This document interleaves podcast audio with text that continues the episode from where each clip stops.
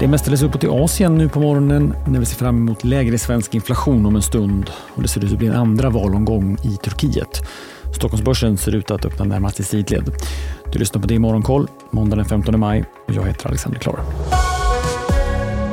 Ja, det stigande börser i Asien. Tokyobörsen är upp drygt en halv procent. Hongkongbörsen lyfter svagt och börsen i Fastlandskina rör sig åt olika håll. Shanghaibörsen backar 1 procent medan teknikfokuserade Shenzhen är svagt uppåt. Vi kan notera valframgångar för oppositionspartierna i Thailand där den sittande militärstödda regeringen väntas förlora. Och det ser ut att bli en andra omgång i det turkiska presidentvalet. Sittande president Erdogan leder med nästan alla röster räknade men ingen av kandidaterna har fått över 50 procent. En andra omgång väntas hållas den 28 maj. Idag handlar mycket för svensk del om att se inflationen falla tillbaka i aprilmätningen drivet bland annat av sjunkande matpriser.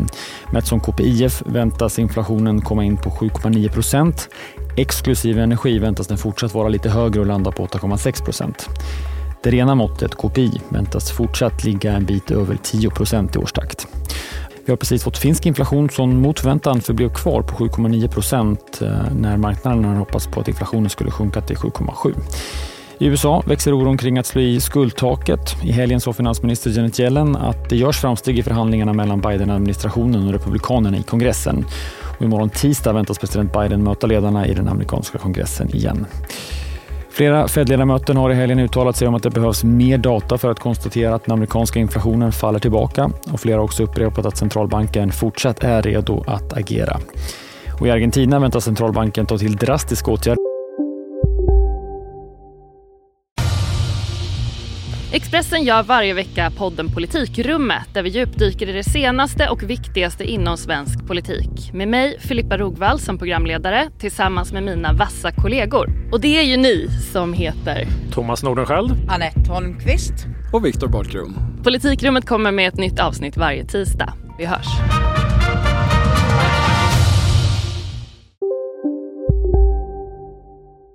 För att få ner hyperinflationen i landet. Enligt källor till Reuters kommer räntan att höjas till 97 procent vid nästa möte. Och I den senaste mätningen uppmättes den argentinska inflationen till 109 procent.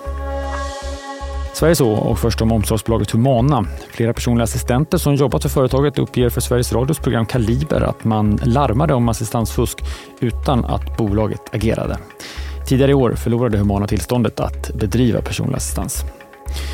Det kan bli tågstrejk i eftermiddag om inte parterna kommer överens under de kommande timmarna. I ett första steg så innebär det att Öresundstågen, pendeltågstrafiken i Stockholm och vissa SJ-sträckor kommer att drabbas. Konflikten kretsar huvudsakligen kring schemafrågor och arbetstider och kan utökas till att även innefatta tunnelbanan i Stockholm och flera SJ-linjer samt godstågen. Fokus idag som sagt på inflationsutfallet klockan åtta. Vi får också industriproduktion för euroområdet under förmiddagen som väntas falla tillbaka något.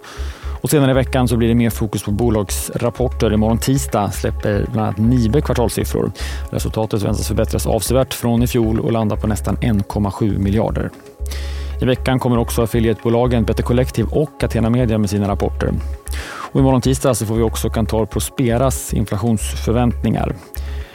Och på onsdag då blir det mer inflation då för euroområdet som väntas komma in kring 7 procent.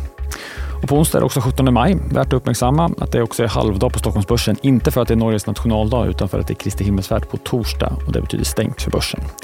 Missa inte Börsmorgon idag, start kvart i nio eller lyssna på programmet som podd från klockan 11. Det är Morgonkoll. Jag är tillbaka igen imorgon. På återhörande. Jag heter Alexander Klar.